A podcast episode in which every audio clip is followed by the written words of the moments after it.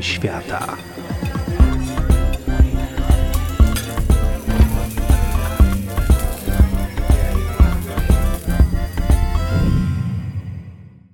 Dzień dobry. Dzisiaj zapraszam Was na coś słodkiego. Pojedziemy sobie do Kanady, do źródeł syropu klonowego i podobno kraju, w którym żyją najmilsi ludzie na świecie. Syrop klonowy to odparowany i zagęszczony sok pozyskany z pni co najmniej 40-letnich drzew trzech rodzajów klonu: klonu cukrowego, klonu czarnego lub klonu czerwonego. Do wyprodukowania litra syropu klonowego potrzebne jest około 40 litrów soku. I jeszcze jest jedno utrudnienie. Dobry czas na zbieranie soku jest bardzo krótki. Trwa maksymalnie 8 tygodni, wczesną wiosną, kiedy zejdzie śnieg, ale drzewa jeszcze nie wypuszczają pąków. A kiedyś było zupełnie inaczej. Zdaniem Indian Nabe, wszystko to przez ducha Nanabozo, czasem zwanego też Manibozo. Nanabozo był zaprzyjaźniony z ludźmi. Lubił ich i odwiedzał. Był trochę jakby jednym z nich, bo jego matka była człowiekiem. Wielki Manitu wysłał Nanabozo na ziemię, żeby pomógł ludziom nazwać rośliny i zwierzęta. Nanabozo nauczył ludzi łowić ryby, pisać i pokazał, które rośliny mają lecznicze właściwości. Któregoś dnia, kiedy ziemia była w zupełnie innym stanie, była bogata, pełna zwierząt i roślin, było to tuż po stworzeniu, a syrop klonowy płynął we wszystkich drzewach, nie sok, który trzeba zagęścić, tylko syrop. Nanabozo postanowił odwiedzić Ashinabe. Szedł przez pola uprawne, które same rosły, przez strumienie pełne najpiękniejszych ryb, przez lasy, gdzie biegały niedźwiedzie jelenie i nie mógł znaleźć ludzi. Doszedł do ich wioski, ale był w niej straszny bałagan. Tipi przewracały się, wszędzie było brudno i nieładnie. Gdzie mogą być moi Ashinaby, myślał na nabozo. I wreszcie znalazł ich. Całe rodziny. Kobiety, mężczyzn, osoby dwuduchowe, dzieci, osoby młode i starsze, wszyscy leżeli na ziemi pod drzewami, a z gałęzi prosto do ich ust ściekał syrop klonowy. Byli senni, ospali i nic im się nie chciało. O nie, pomyślał Nanabozo, tak być nie może. Moi ludzie stracą szybkość, zwinność, zmarnują czas dany im na tej pięknej ziemi. Poszedł do rzeki i do swojego ogromnego wiadra z brzozowej kory nabrał mnóstwo wody. Stanął nad ziemią i wylał tę wodę na lasy. I od tego czasu nie ma już w drzewach syropu, ale jest sok. I jest tylko w niektórych drzewach, w klonach. A żeby go uzyskać, trzeba się mocno napracować.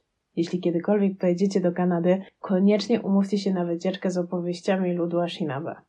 To jest niezwykłe przeżycie, kiedy po spacerze w lesie rozpalicie ognisko i przewodnik albo przewodniczka zaczną opowiadać te niezwykłe mity.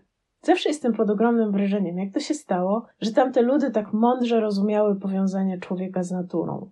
Rozumiały, że jesteśmy jej częścią, zależni od niej, ale też ją kształtujący. Powinniśmy częściej słuchać rdzennych ludów Ameryki. Chociażby dlatego, że robić syrop klonowy umiemy właśnie od nich. Pierwsi rdzenni Amerykanie umieszczali sok w szerokich, płytkich naczyniach skory i pozostawiali go do zamrożenia, a to oddzielało wodę od cukru. Więc po prostu nad ranem usuwali lód i mieli takie ciepłe, sokowe lody. Z biegiem czasu pojawiały się nowe i ulepszone sposoby przetwarzania syropu klonowego rdzenni Amerykanie zaczęli zakładać tak zwane sugar bushes, czyli takie cukrolaski, w których pozyskiwali sok z drzew, a potem gotowali na gorących kamieniach. Dopiero europejscy osadnicy zaczęli gotować sok na otwartym ogniu. Proces szybszy, ale niektórzy twierdzą, że syrop z tego gorszy. Obecnie zbieracze syropu klonowego używają całego systemu plastikowych rurek, które umożliwiają przepływ soku z drzewa do tak zwanej szopy cukrowej, czyli budynku, naprawdę bardzo często będącego drewnianą szopą, w którym jest gotowany na syrop. I to naprawdę gotowane. Gotowany i gotowany i gotowany, jak w piosence, którą usłyszycie w przerwie. Jeśli jeszcze słuchacie, być może w drodze do sklepu po syrop klonowy, wiedzcie jeszcze to. Syrop klonowy nazywany jest płynnym złotem Kanady. Nadaje się do przeróżnych potraw, słodkich, słonych, też do drinków. Najwięcej syropu klonowego powstaje w prowincji Quebec. W naszych sklepach w Polsce można dostać cztery typy syropu. Extra light, najjaśniejszy o delikatnej barwie i smaku. Light, taki trochę ciemniejszy, dobry na przykład do słodzenia napojów albo do drinków. Medium, i to jest ten najczęściej używany w kuchni, bursztynowy, używamy go do potraw, do ciast, do polewania słynnych amerykańskich pancake'ów. I wreszcie amber to jest ciemniejszy i wykorzystywany głównie do pieczenia i gotowania. Jest jeszcze syrop klonowy dark, wykorzystywany przemysłowo. Jedna ważna porada. Pamiętajcie, syrop klonowy zawiera tylko syrop klonowy. Jeśli w składzie jest coś poza syropem klonowym, omijajcie to z daleka. I ważna informacja: najlepiej syrop przechowywać w szklanej butelce, ale po otwarciu wstawić do lodówki. I starać się nie zanieczyścić tej butelki, na przykład zlizując przyjemnie ściekającą po szyjce słodziutką kropelkę, bo wtedy syrop nam spleśnieje. Mimo, że ma on dużo mniej kalorii niż cukier, dlatego bywa używany do słodzenia, jednak 50% syropu klonowego to sacharoza, więc nie polecamy go osobom z cukrzycą czy osobom odchudzającym się. A jak już będziemy w, będziecie w Kanadzie, to naprawdę warto wybrać się na syropoklonową wycieczkę. Zazwyczaj zaczyna się od zwiedzania właśnie Sugar Shack, czyli cukrowej szopy, takiego centrum produkcji syropu. Tu się znajduje piec, skomplikowany system rurek i zazwyczaj sklep z gotowym syropem, ale potem przewodnicy zabierają gości na przejażdżkę wozem do serca klonowego lasu.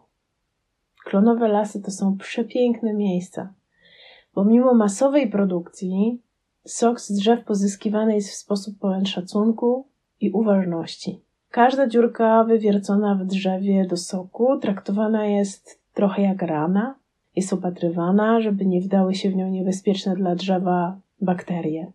Z drzewa upuszcza się tyle soku, żeby mu to nie zaszkodziło. A potem idzie się na piękny spacer w lesie. Zazwyczaj z osobą, która zna nie tylko proces tworzenia syropu, ale także wiele legend i opowieści. Jeśli ma się szczęście, można trafić na osobę Ashinabe. Wyobraźcie sobie przez chwilę ten spacer.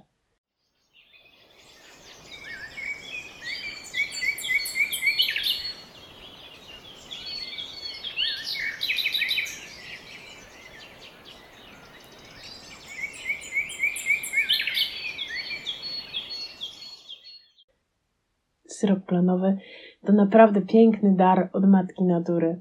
John Campbell z Maple Syrup Guild tłumaczy to tak.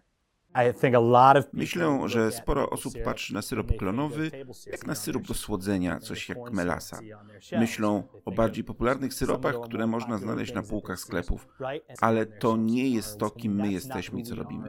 Nie można zrobić syropu klonowego w laboratorium. On musi pochodzić od matki natury z drzew. This has to come from Mother Nature the trees. Wreszcie, w środku tego niesamowitego lasu następuje prawdziwa uczta. Przewodnicy serwują coś, co nazywa się Toffee on Snow, czyli śniegowe toffee. Toffee z syropu klonowego. Kanadyjska zimowa tradycja, której nie można przegapić. Składniki są dość proste. Potrzebny jest syrop klonowy i śnieg. W warunkach domowych można go zastąpić mocno, ale naprawdę mocno, tak na proszek, pokruszonym lodem. Przewodnik rozpala w lesie ogień i wiesza na nim kociołek, do którego wlewa syrop klonowy, a potem na pniu drzewa przewodnik układa warstwę śniegu. W domu można to po prostu zrobić na blaszce do pieczenia. Kiedy syrop w kociołku osiągnie temperaturę około 115 stopni Celsjusza, nie sprawdzajcie tego paluszkiem, lepiej mieć termometr. Odstawia się go na bok na jakieś 5 minut. Po tym czasie nasz przewodnik albo my w domu wylewamy na śnieg w poprzek pnia, a w domu w poprzek blachy cieniutkie paseczki syropu. Długości około 10-12 cm, a szerokości tak mniej więcej na centymetr, może półtora. Wcześniej przewodnik ucina patyczki z drzewa. W domu możemy użyć drewnianych patyczków do lodów albo po prostu łyżeczki. I teraz następuje kluczowy moment. Na te patyczki nawijamy syrop, który zmienił się w piękną, elastyczną, bursztynową masę. Takiego lizaka nawijasa jemy sobie pomalutku, dziękując przyrodzie za ten dar i duchowi na nabozo, że za karę za lenistwo nie zabrał nam go całkowicie. Smacznego.